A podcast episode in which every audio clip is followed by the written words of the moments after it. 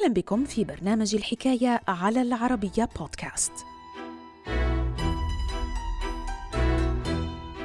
عام 1715 ضرب إعصار ميتش القسم الشمالي المطل على المحيط الأطلسي من القارة الأمريكية والتي كانت تحت سيطرة الإسبان لتتسبب بوفاة أكثر من عشرة ألاف شخص وخسائر بنحو ستة مليارات دولار مما ساعد على تحول العديد من البحاره في هذه المناطق إلى قراصنة يعتدون على كل من أبحر قربهم. تفاصيل الحكاية في مقال للكاتب طه عبد الناصر رمضان بعنوان إعصار أغرق الذهب واجج العصر الذهبي للقراصنة.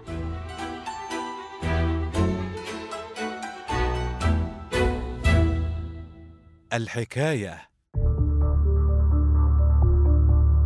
سنويا يشهد القسم الشمالي المطل على المحيط الأطلسي من القارة الأمريكية العديد من الأعاصير التي قد تكون أحيانا مدمرة فتتسبب في خراب واسع لتسفر بذلك عن خسائر مادية وبشرية جسيمة.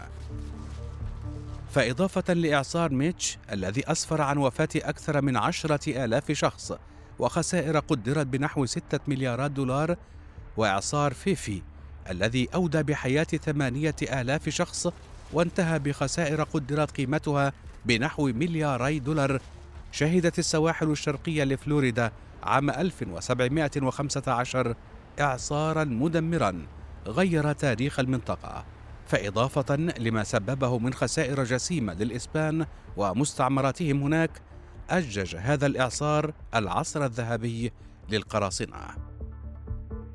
مطلع القرن الثامن عشر كثفت إسبانيا من عمليات إرسال السفن نحو العالم الجديد املا في جلب مزيد من الموارد الطبيعية والمواد الثمينة وعلى رأسها الذهب والفضة.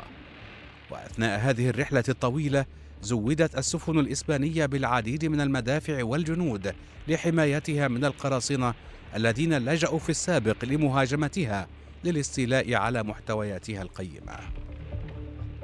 وفي مقابل تأمينها ضد هجمات القراصنة وسفن الدول المعادية كانت سفن الإسبان غير مؤمنة ضد العواصف والأعاصير حيث عجزت الأخيرة عن مقارعة التقلبات الجوية الشديدة والأمواج العالية.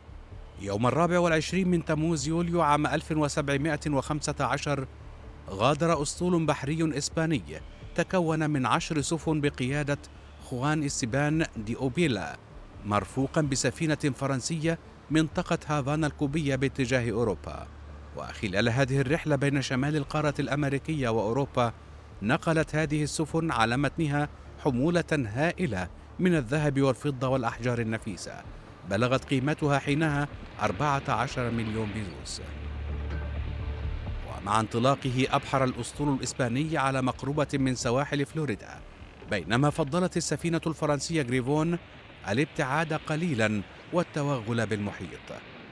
بعد نحو أسبوع مرت هذه السفن بأسوأ فتراتها يوم الحادي والثلاثين من تموز يوليو عام 1715 أثناء وجودها ما بين كاب كانيفرال وفورت بيرس بفلوريدا حاليا حيث شهدت المنطقة إعصارا مدمرا تقدم بشكل سريع مدمرا السفن الإسبانية الواحدة تلو الأخرى.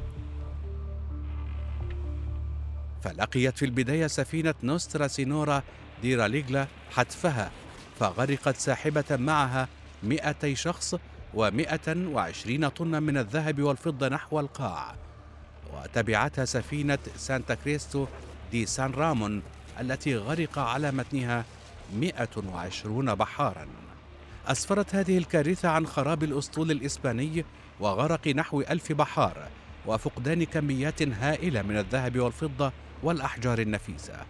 وفي مقابل ذلك نجت السفينة الفرنسية جريفون بأعجوبة والتي تمكنت من تجاوز الإعصار على الرغم من فقدانها عددا من أفراد طاقمها.